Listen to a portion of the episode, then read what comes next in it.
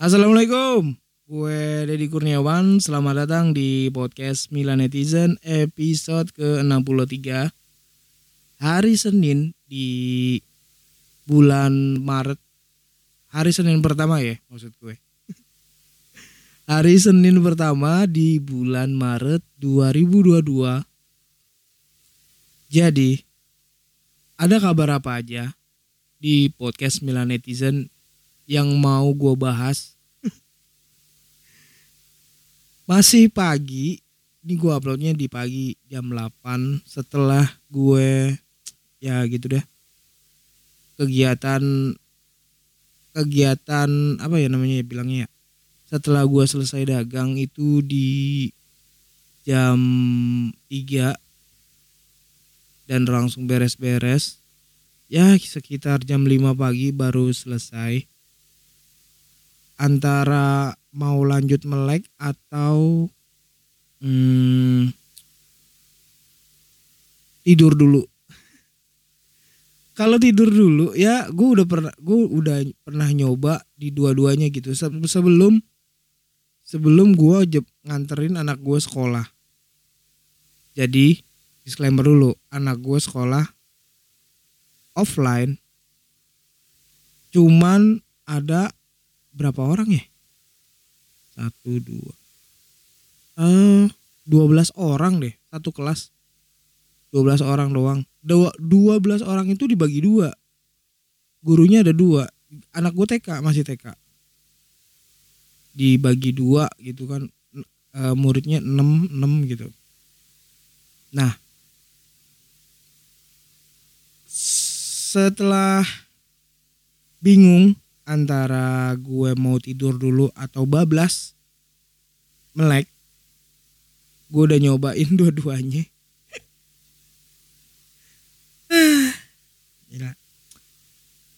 Oh iya yeah. paginya kan Milan AC Milan nih AC Milan itu main jam 3 jam 2.45 lah. Gue sambil prepare sambil menghitung keuntungan. Menghitung keuntungan gue yang hari minggu dagang. Ah gila sumpah. Senin, Selasa, Rebo, Kamis, Jumat, Sabtu, Minggu dagang gue. Minggu nggak ada kata merah, tanggal merah nggak ada gue. Ya Allah, ngoyok banget sih lu jeje parah bener dah. Ya gue pikir uh, kalau gue males ya gue nggak bakalan ada duit. Tapi kalau gue rajin takutnya kebablas kebablasan nih kayak gini nih. Kebablasan hari minggu aja hajar udah. Gitu. Kecuali uh, ada rencana ketemuan sama kawan-kawan gue yang di mana itu hanya wacana. Jadi setiap hari Senin itu kebiasaan gue bukan hari Senin doang sih, sebenarnya hampir setiap hari. Uh, sebelum gue mau antar dan jemput anak gue yang kecil, namanya Milena. By the way, gue punya anak dua, cowok dan cewek, namanya Milan dan Milena. Dan itu gue jadiin brand, gue jadiin uh, nama usaha gue warung Milan Milena dan nasi goreng Milan Milena yang bisa lu order di GoFood, di GrabFood, di Shopee Food. Hmm, Traveloka Earth. Hmm. Halus banget nih gue jualannya. Promonya halus banget. Ya pada umumnya lah orang tua pada umumnya bingung ngasih nama eh, usahanya. Kayak toko Agung Jaya namanya mah Agung gitu. Terus toko Septi gitu gitulah tapi yang gue heran nih kenapa warung Madura nih iya lu tahu warung Madura kan? Yang satu kali 24 jam yang 24 jam kali 7 yang 7 kali 12 bulan gak ada liburnya. Yang lu tahu setiap malam atau setiap saat lu waktu ke warung dia mak sambil teleponan nih. Ya kan? Sambil teleponan. Itu aja nggak ada namanya. Warung apa gitu nggak ada. Yang kita tahu nih ya cuman warung Madura doang kenapa ya warung Madura bilang oh no no no warung Madura. Tapi jokes jokes yang jauh amat lu beli rokok ke Madura emang di sini aja nggak ada di Jakarta.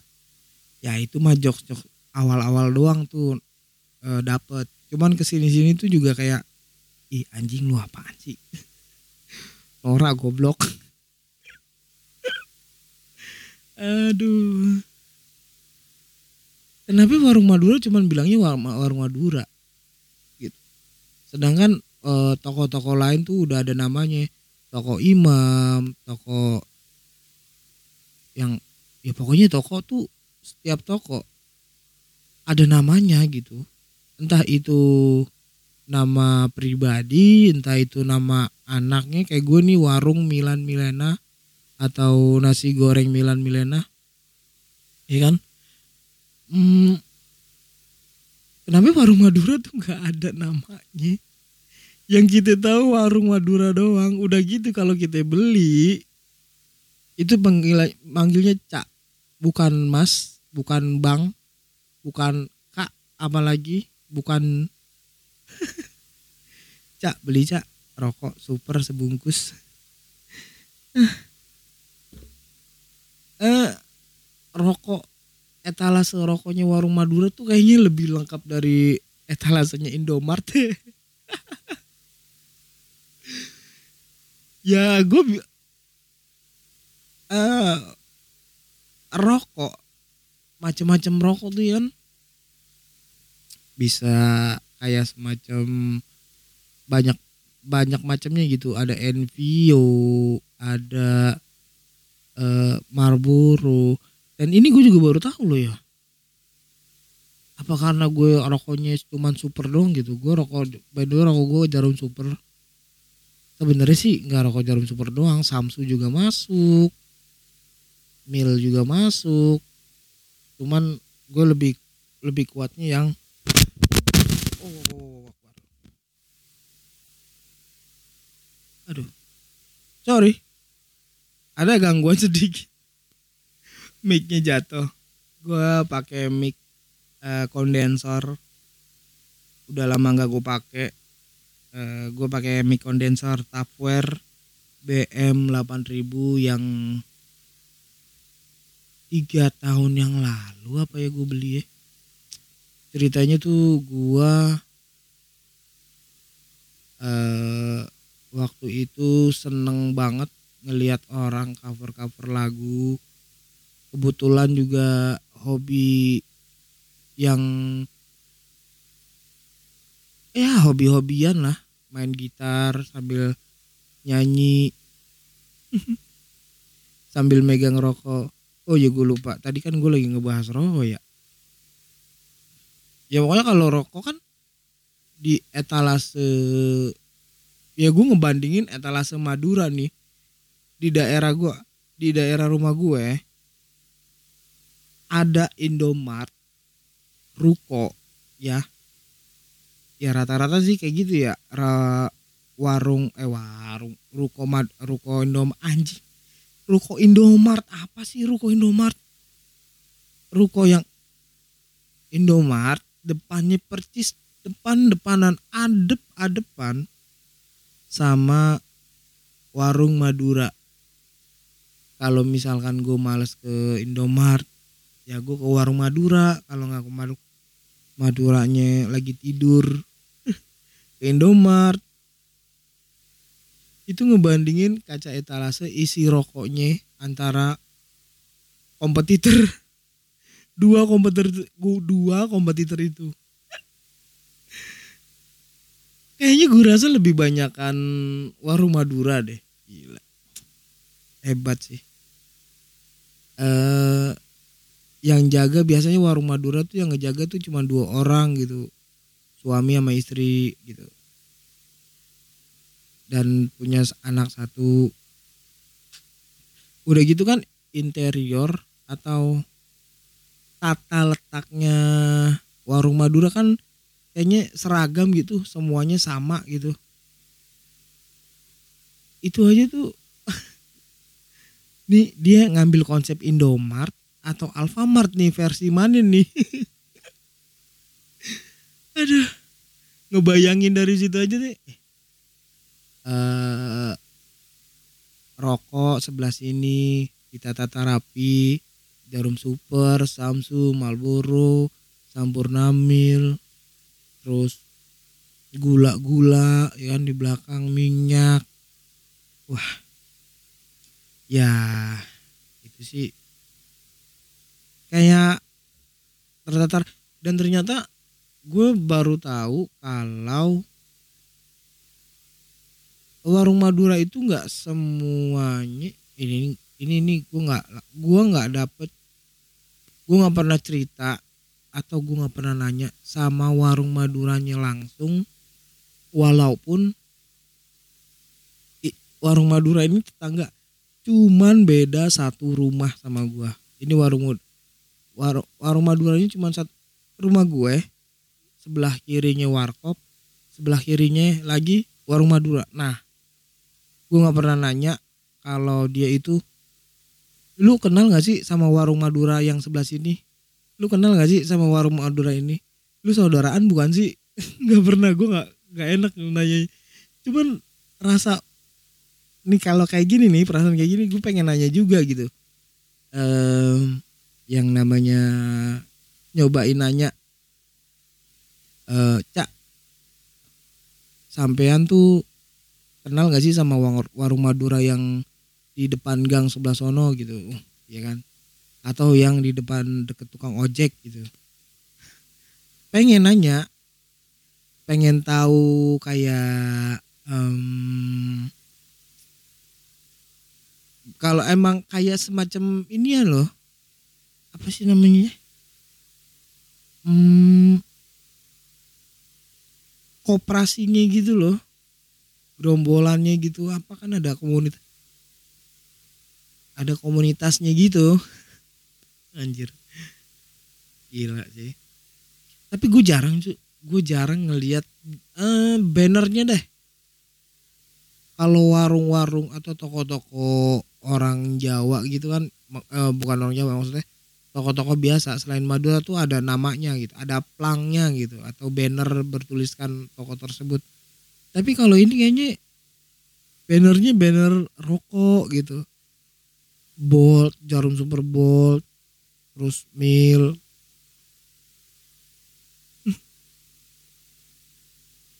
Bentar, gue nyalain rokok dulu.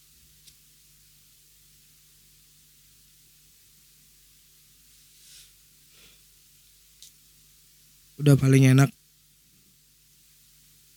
Gue sambil senderan sambil mic mic gue ini pakai BM 8000 sambil gue pakai stand gue senderan tangan kanan gue megang rokok jarum super tangan kiri gue megang segelas kopi hitam yang masih panas aduh ya Allah ini udah ini adalah puncak kenikmatan ketika orang-orang yang super sibuk yang super sibuk tapi nggak ada duitnya gitu. Ah bukan nggak ada duitnya. Duitnya segitu segitu aja. Kan gue gue kayaknya gue pernah bilang dan lu juga pasti tahu ya gue nggak tahu kalau setuju apa enggak jadi gini uh, dan ini gue juga baru gue dan gue ngeliat video tentang hal seperti ini tuh masuk uh, make sense buat gue sekeras apa pun sekeras seker kerja lu sekeras apa pun dari pagi ketemu pagi terus hasilnya begitu-begitu aja ya lu nggak bakalan kaya capek terus diulang-ulang gitu Senin, Selasa, Rabu, Kamis, Jumat, Sabtu, Minggu, Senin. Begitu terus. Ke kejadian kesempatan terus uh, kejadian maksud gue tuh uh, ribet-ribetnya gitu. Kan gue sebagai tukang nasi goreng misalkan ya yang harus memper, mempersiapkan uh, belanjanya terus pokoknya dari belanja dari segala sesuatu mempersiapkannya lah. Begitu terus. Dan gue dapat duitnya segitu-segitu aja bak nggak uh, naik turun gitu bahkan. Tapi gue nggak kaya kaya tapi nah ini nih. Mindset gua kalau gua ngerjain kayak gini terus itu dampaknya adalah gua bisa uh, otomatis badan gue tuh otomatis. Ini yang biasa gue sering lakukan di setiap harinya gitu pas gue mau dagang. Badan gue otomatis bro. Kayak wah ini pagi setar dari pagi deh nganterin anak gue nggak eh, sekolah anak gue sekolah cuma empat hari doang dalam seminggu. Senin selasa rebonya libur kamis jumat. Udah. Dan itu cuma dua jam. Dan kebetulan juga ini jam berapa ya? jam setengah sepuluh yang itu artinya ya 30 menit lagi lah. 30 menit lagi menuju jam 10 pagi di hari Senin. Di tanggal 7 Maret 2022 balik lagi nih. Kan badan gue otomatis tuh kerja kerja dari pagi ke pagi gitu. Badan sampai rentak kurang tidur ya kan? Terus belanja bahan bakunya kadang kurang. Bahkan dibela-belain ngutang. Tapi eh, keuangan gue gitu-gitu aja gitu. Nah mindset gue gue tambahin. Atau ada pengecualian oke okay, gue setiap hari seperti itu. Kayak otomatis. Ini adalah bakalan dampak baik buat gue ke depan.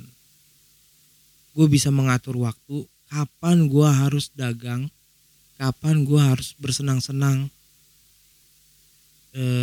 seperti ini. Contohnya gue bikin podcast itu bagi gue udah senang-senang bro. Megang rokok di tangan kanan gue megang rokok, tangan kopi eh tangan kopi, tangan kiri gue megang kopi gitu. Sambil ngobrol, monolog kayak gini, yang beberapa menit ke depan kadang uploadnya seminggu sekali kadang seminggu dua kali kadang seminggu tiga kali tapi minimal minimal seminggu sekali aja itu udah keren. Naro naro karya yang seneng bagi kita seneng gitu tuh seminggu sekali tuh ya sejam lah nggak apa-apa. Enak banget sumpah.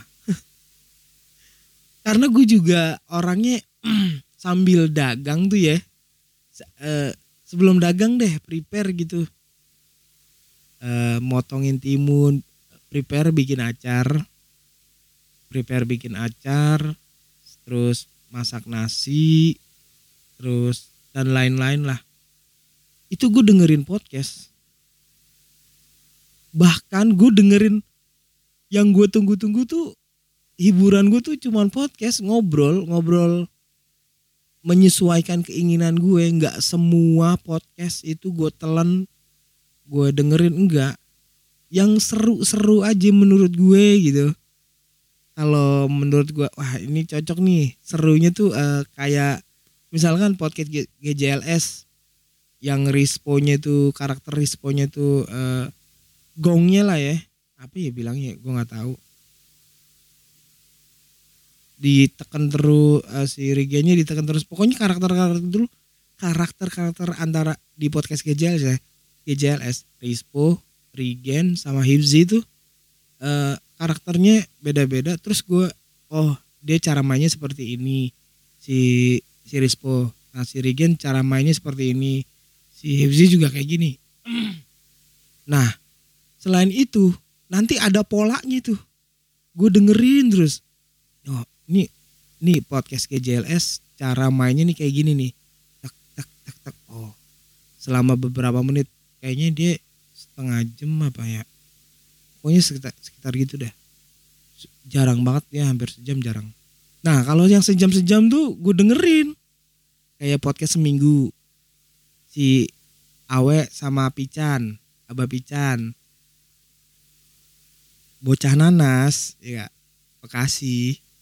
Ya gue juga Bekasi, gue dengerin bocah nanas, gue follow mereka. gue seneng nggak cara-cara uh, Awe sama Pican tuh tektokannya kan enak ngelantar-ngelantur. Nah orang nih orang yang terlalu insecure, terlalu nahan, kayaknya nggak bakalan bisa seperti si Pican deh. Sebenarnya Pican juga bakalan nahan kalau bukan partnernya bareng Awe. Karena Awe sama Pican kan yang gue tahu dari cerita mereka itu dia itu temenan dari kecil. Dari SD apa? Dari bayi.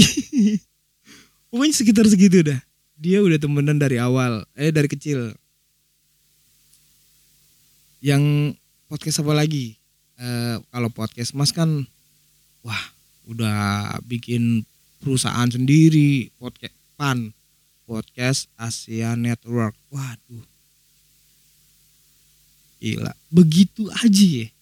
Itu ada anaknya gitu maksudnya podcast podcast mas bikin anak-anak podcast gitu.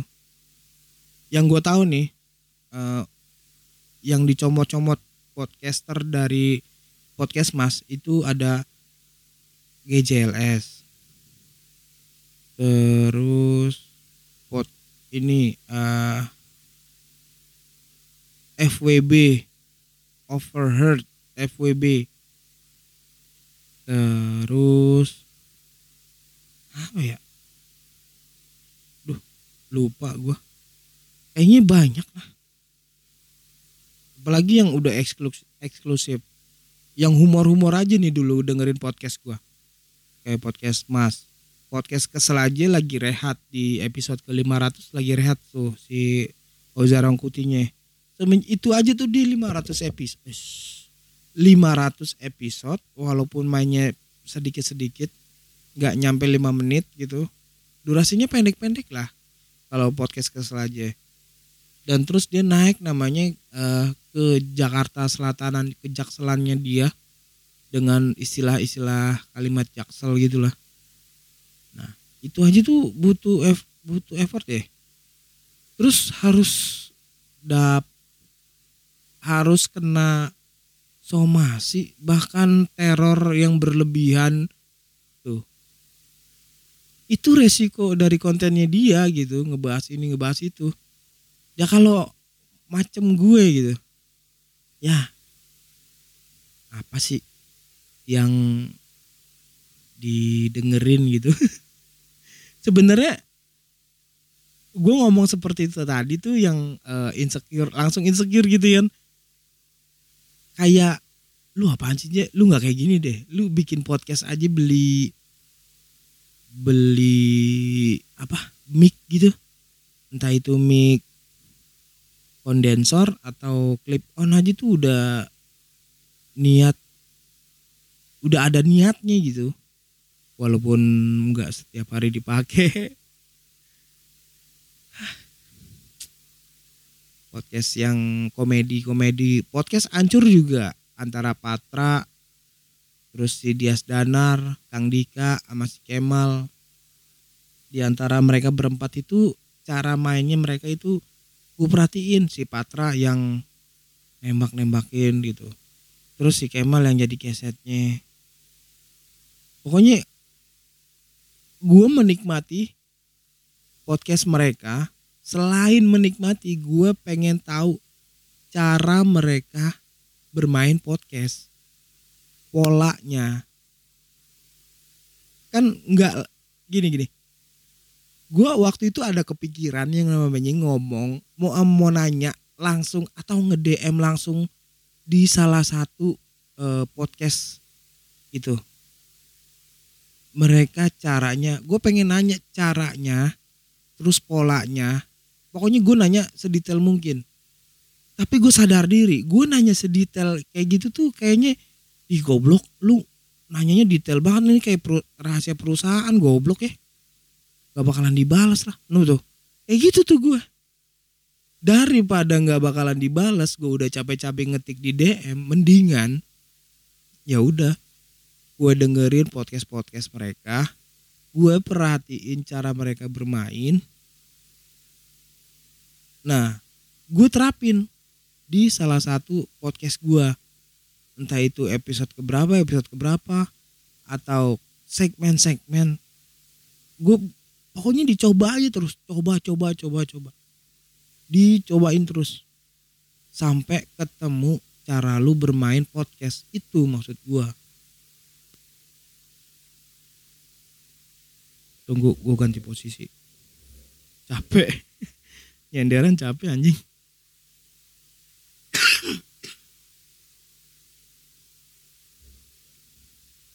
Nah kayak gini kayaknya enak nih. Sampai nih gue aja nih pakai mic boy mic BM 8000 nih. Gue colokin. Gue punya mainan baru nyoba-nyoba karena udah lama gue pengen dan pas banget kawan-kawan gue tuh ada yang mau join ke podcast gue tapi beberapa kesempatan mereka uh, jadi tamu di podcast gue itu hasil audionya itu jelek lah bisa dibilang jelek. Nah gue pengen memperbaiki kualitas audionya gitu. Makanya gue coba beli ini apa sound card gitu loh. Sound card yang gue cari-cari di entah itu Tokopedia, entah itu di Lazada, entah itu di Shopee. Nah, akhirnya gue ketemu di Lazada yang bisa COD dan lebih murah dari antara dua dua apa nih? Pokoknya lebih murah di Lazada. Gubuk terus gua order ya gua belanja. Ini gua make soundcard tap eh, bukan taper apa sih namanya mereknya? Singing singing live sound card kayak gitu dah V8 gue pakai V8 yang dulunya kayaknya Tupper deh.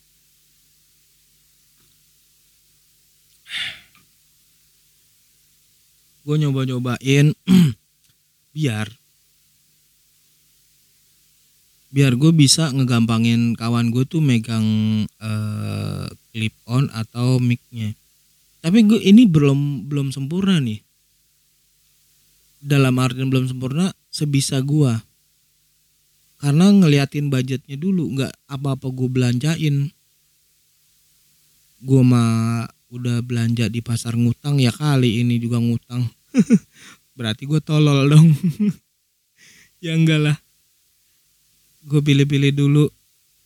Gue tabungin dulu apa nih yang gue belanjain nih. Nah kalau yang ini kan gue beli berapa ya?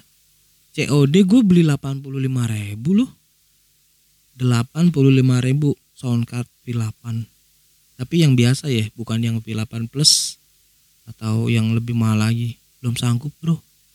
Gue cuman mainan doang bukan nyari profesi. Sulit sulit sulit. Lawannya bagus-bagus soalnya uh, podcaster yang lain.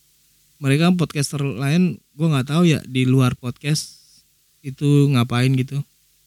Ya kalau gue bisa ngejelasin ya kalau gue kan podcast seminggu minimal seminggu sekali. Setelah setelah itu ya gue dagang gitu. Dagang dagang nasi goreng ketemu customer entah itu yang reguler atau online offline dan online. Nah onlinenya bisa ngobrol sama driver ketemu sama driver ngobrol apa aja.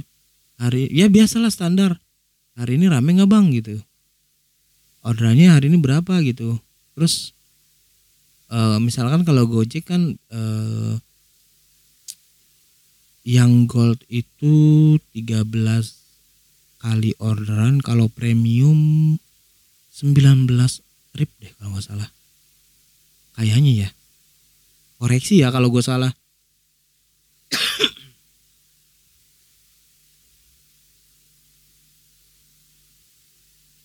yang gold itu 13 yang 13 orderan trip kemarin malam di minggu minggu malam.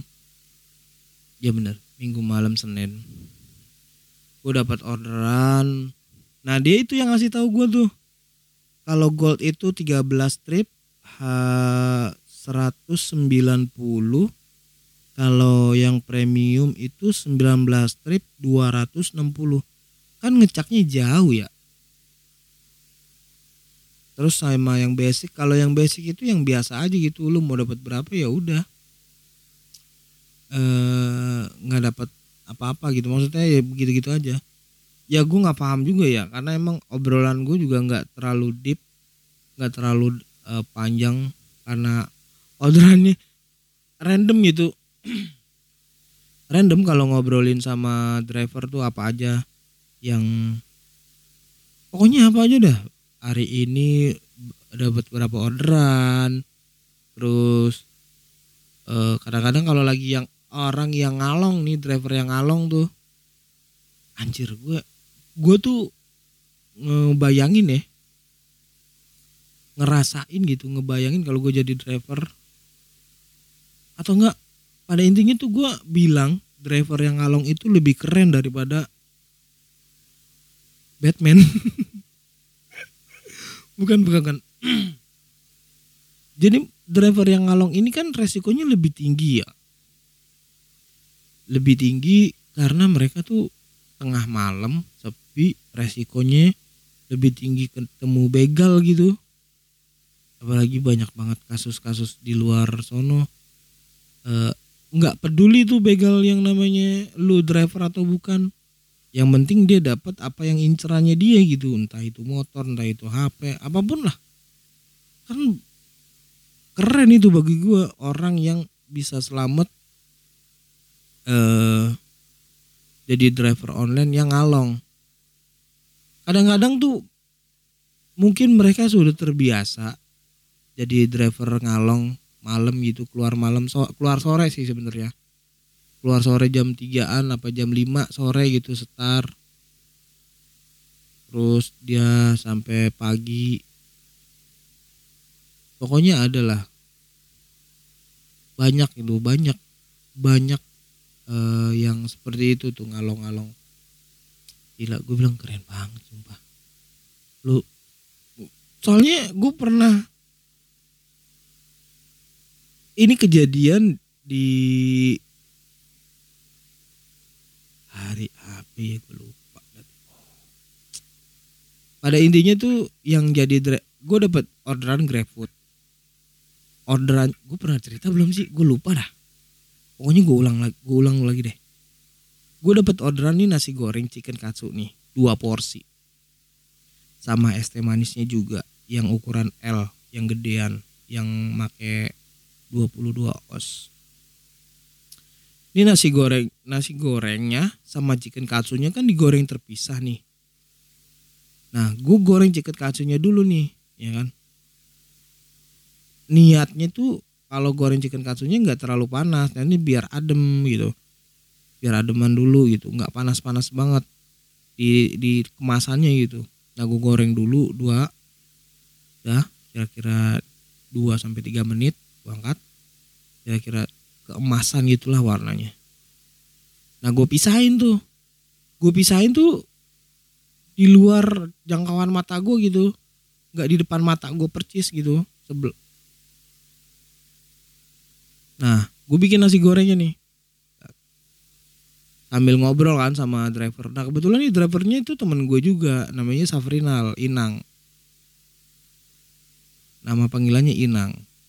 Nah gue sambil ngobrol sambil bercanda gitu kan. Nah kira-kira 7 menit lah udah jadi. Nasi goreng chicken katsunya sama nasi gorengnya kira-kira makan waktu sama kemasan sama es manis 10 menit lah. Gue nyiapinnya 10 menit tuh. Goreng chicken katsu terus goreng nasinya terus bikin es manisnya gitu. Digabungin jadi 10 menitan. Nah gue kasih tuh es manisnya udah. Nasi gorengnya udah. Nah begitu udah jadi udah di pick up dong sebelumnya. Jalan dah tuh dia. Nah, jalan. Habis temen gua ngorder ini yang di offline-nya nih yang regulernya kan ada tuh. Ya gua kan fokus ke orderan berikutnya dong. Karena orderan si grab yang yang dibawa temen gue ini udah kelar nih. Oke. Udah nih uh, orderan selanjutnya gue bikin nasi goreng juga. Nasi goreng biasa nasi goreng biasa yang harga offline-nya itu cuma 15.000 kalau gue taruh di online 20.000 karena kena cas harus ngasih komisi bos. Ke GoFood, GrabFood, Shopee Foodnya 20% Cox. Itu yang biasa. Gimana yang super super premium 30% kali oke lanjut Nah, begitu selesai gue ngelayanin uh, orderan selanjutnya nih, setelah temen gue, si kawan gue ini, Safrinal, drivernya, gue enggak. Lah, kok ini chicken katsu siapa? Gue inget, astagfirullahaladzim, ketinggalan chicken katsunya. Gue telepon lah itu Safrinal, driver GrabFood, kawan gue juga si Inang ini. Gue telepon kan nang nih orderan chicken katsu eh chicken katsunya nih ketinggalan nih gitu. Gimana dong? Wah dan gue udah di arah kemanggisan ini udah udah gue mau gue udah mau pulang gitu. Di arah Palmeras itu rumahnya kan dia gue udah mau arah pulang nih masa ya gue balik lagi gue jawab waduh nang nang Kenapa emang? Chicken katsunya nang, nang. Ketinggalan gue bilang. Wah, emang di situ nggak ada alamatnya. Nah kita kita uh, ini antu uh, saling saut-sautan. Dia nanya kenapa, dia nanyanya apa, gue nanya, gue jawabnya apa, terus begitu tuh. Dan akhirnya, nang kalau nggak coba deh nang, lu uh, ingat-ingat uh, sebelah mana gitu. Warung eh warungnya rumahnya gitu. Nah dikasih tahu dikasih di screenshot tuh sama dia. Di riwayatnya sama di Google dikasih tahu di dia nganternya di Duri Nirmala tuh. Duri Nirmala itu masih daerah Kebon Jeruk Jakarta Barat kira-kira satu kilometer lah ya kira-kira kurang lebih 1 sampai 2 km lah ya. Tapi ini perumahan, Bro. Dia perumahan dan nganternya itu jam 02.30. Dan gue masih ingat.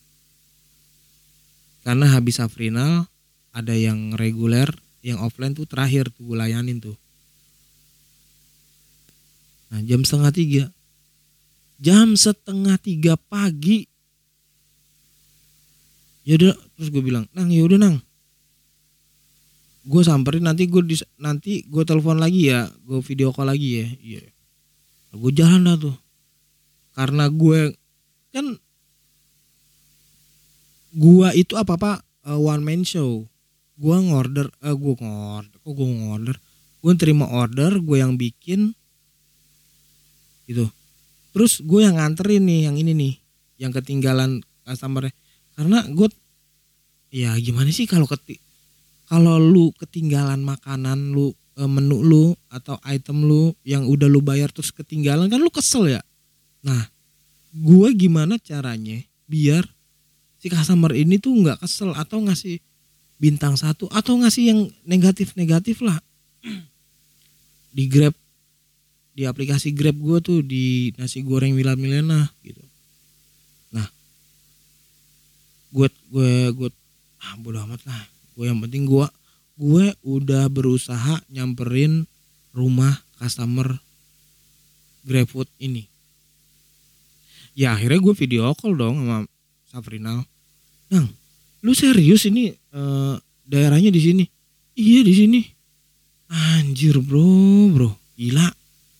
Sepi banget. Udah gitu gue harus ngelewatin komplek kuburan gitu. Komplek kuburan nih. Kan gangnya ada satu dua tiga. Nah satu dua empat. Di uh, misalkan gang kuburannya ini gang komplek kuburan ini yang kedua. Nah, rumah tujuan gua itu adalah yang ketiga. Berarti setelah komplek kuburan. Nah, ini nih. Sepi banget. Gue merasa eh, Gabriel. Ini gua masih di Jakarta kan? Kok sepi banget anjir setengah tiga pagi loh gua. Mana ah ulang ngeri sih gue gue ketok akhirnya gue uh, diskusi diskusi di perjalanan video call gitu. Ya orang sepi banget bro.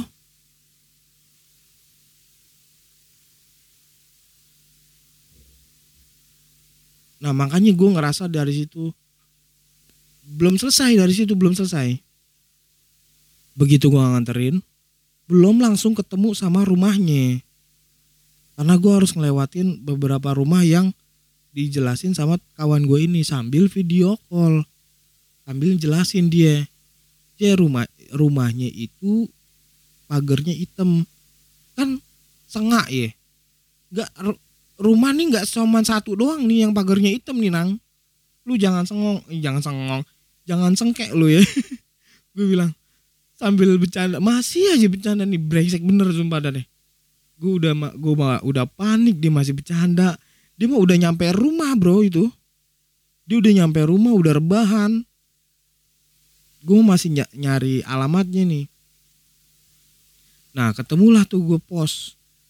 Pos ya pos di komplek gimana sih? Kayak di dalamnya itu ada TV nyala pagarnya kebuka ada motor satu. Cuman kan gue datang ke situ ya kedengeran dong motor. Otomatis dia harusnya keluar. Nanya ke gue mau nyari apa mas? Nyari siapa gitu. Atau minimal ya kan gue lagi nyari arah alamat nih. Nggak asal nggak asal nyelonong nyelonong aja masuk ke pos. Sangkanya maling lagi gue bangsat gak tuh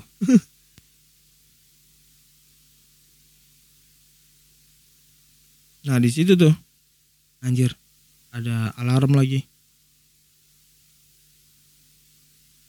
Tunggu bentar.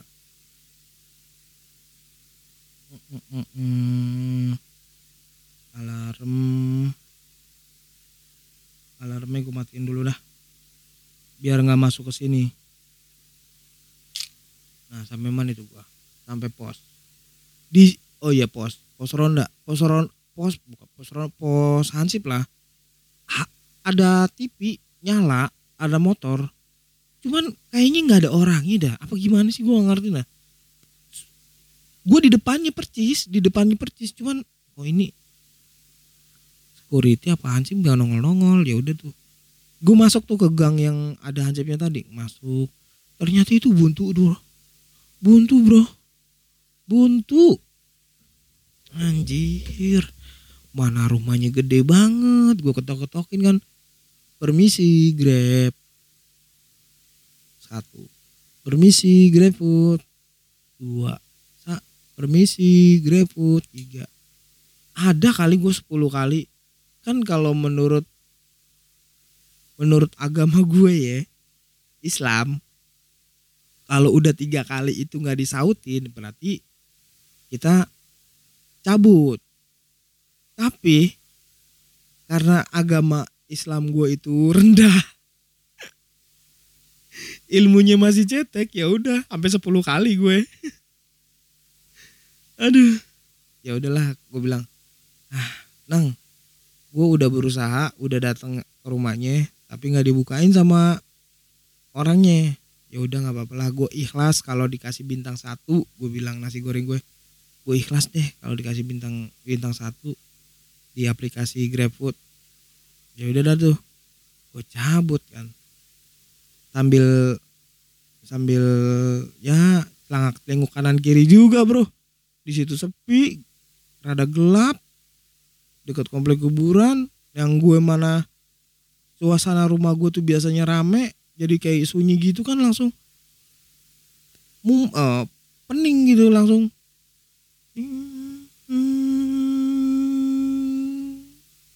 kayak sunyi selap ah.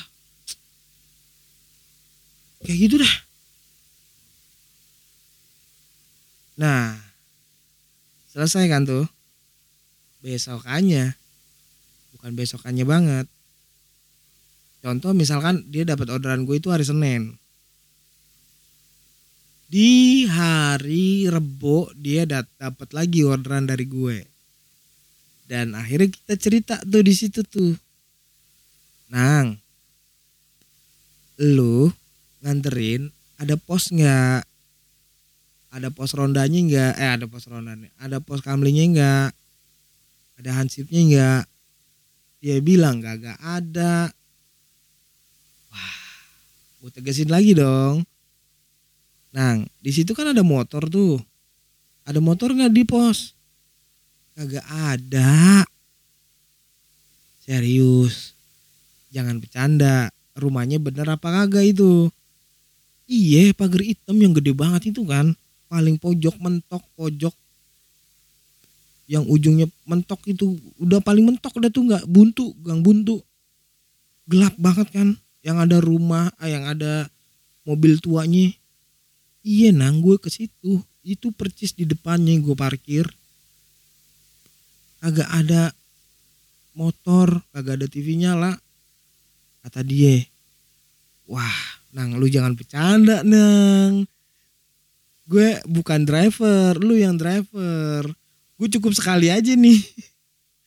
Makanya gue bilang kalau driver yang yang ngalong itu tuh keren. Gue ngerasain kayak gitu aja tuh ah bangsat lah. Serem banget dong ya. Eh kejadian-kejadian yang horor gitu yang serem itu horor. Kalau kenyataan gitu misalkan begal gitu kan waduh uh. Nggak bisa ngebayangin. Cuman gue ada lagi tuh cerita yang driver ini bilangnya driver uh, ngebles akun ngebles dia mental ke mana-mana aja. Dia mental ke Bekasi ke Tangerang ke Depok ke Jakarta Utara kadang. Dan gue cukup uh, lumayan lama ngobrol sama driver ini karena dia uh, dapat orderan di gue tuh jadi lima lima driver. Nah dia ini yang keempat. Jadi jarak satu dua tiga empat kan rada lama tuh 10 menit. 10 menit 10 10 menit. Gitu gue takutnya kalau misalkan gue ceritain sekaligus di sini nggak cukup. Gue nggak ngejemput-jemput bocah gue dong. Gitu sekarang aja udah 49 menit. Gue gua gue bikin podcast tuh nggak gue edit. Maksudnya nggak gue potong-potong gitu. Gila bayangin. Orang yang podcaster yang one man show apa-apa sendiri kalau kalau ada niat tuh dia pasti diedit. Kalau gue kan udah kecapean duluan nih bro. Aduh. Dari misalkan gue bikin podcast 60 menit contoh. Terus gue pilih-pilih tuh yang pembahasannya yang dilarang.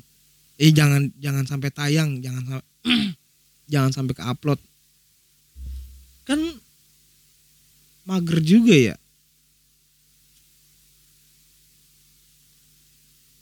kecuali emang dia kerjanya di situ tukang editing konten kreator beneran yang 100% kerjanya di situ di di digital. Nah, nah kalau gue kan kerjanya tuh ke bukan kalau kerja utama gue istilahnya eh, gue mau jadi bisnis kuliner tapi gue nggak mau ceritain eh, hard gue nggak mau hard selling gitu gue nggak mau gue maunya itu soft selling dengan gue bercerita seperti ini gitu dengan cerita-cerita apa aja kejadian yang lucu, yang aneh, yang serem di di warung gue, di berita apa pun gitu yang yang ada eh ada sambungan. Wah, ternyata nih kayak gini gini nih.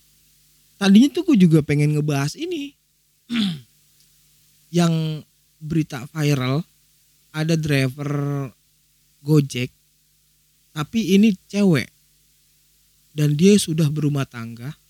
Eh pokoknya dia dia udah punya anak dan buat mau bayar kontrakan. Mau bayar kontrakan. Singkat ceritanya di berita viral itu gue nggak baca gue nggak baca gue nggak baca di Google ini gue cuma ngeliat di TikTok lihat di Instagram dan gue save di otak gue karena ini ada hubungannya sama ya sama gue yang sebagai usaha kuliner GoFood, GrabFood, Shopee Food yang berinteraksi langsung sama driver gitu. Ini driver cewek, dia ngangkut penumpang. Pantat lah kalau misalkan istilahnya di driver ojol. Nah, si customer ini ngasih bintang satu ke driver cewek. Dampak dia ngasih bintang satu itu tuh si driver cewek ini kena suspend. Yang artinya akun dia dibekuin selama kurang lebih dua minggu 15 hari. Oh ya dua mingguan dan dia nggak bisa bayar kontrakan. Gue langsung gue gue setuju ada orang misalkan ngomong bangsat gitu. Emosi gitu entah driver driver gitu kan eh, tali rahminya tuh kuat para driver ini kalau ada kenapa-napa. Ya marah lah. Cuman nggak bisa mentah-mentah harus marah gitu kalau kalau gue pribadi. Karena gue ngasih gue tahu informasinya itu cuman sepotong. Cuman di situ doang.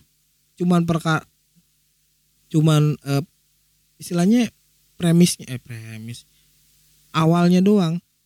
Ada driver gojek perempuan dapat penumpang terus customernya uh, ngasih bintang satu dan ternyata driver ini harus bayar kontrakan karena di suspend ngasih si customer ngasih bintang satu akhirnya akun driver di Gojek ini yang perempuan ini di suspend selama dua minggu akhirnya nggak bisa bayar kontrakan. Udah sampai situ doang kan nggak ada permasalahan utamanya nih. Gue nggak mau nelan mentah-mentah kayak gitu. Itu tuh. Tapi kalau misalkan di kalau dibilang kesel misalkan tuh kok bisa kayak gini? Soalnya hampir rata-rata tuh kayak gitu. Uh, customer tuh udah paling raja gitu. Gue pernah bilang di podcast gue di mana gue nggak tahu eh, gue lupa.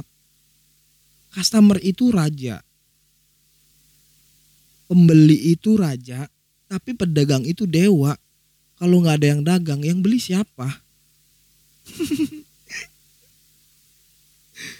Terus kalau ada yang order buat ngojek yang ngojek tuh siapa?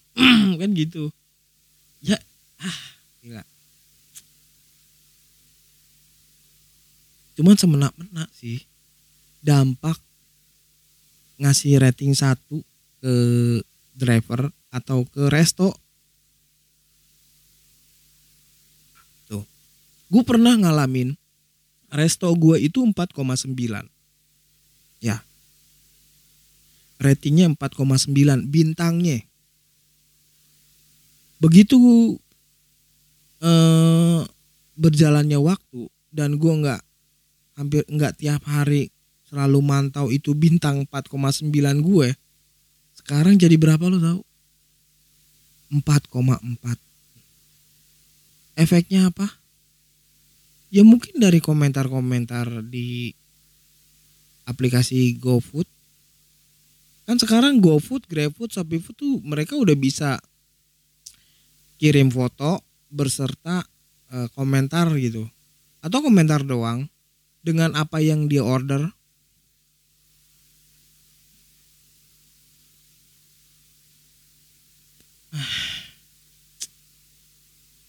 Sayang banget sih sumpah. Begitu asa emang sih ya segala-galanya. Customer tuh eh, adalah tulang punggung seorang penjual yang kalau lu jualan tapi nggak ada pem, lu jualan tapi nggak ada pembeli ya sama aja goblok gitu. Berarti lu harus nyari nyari apa ya namanya?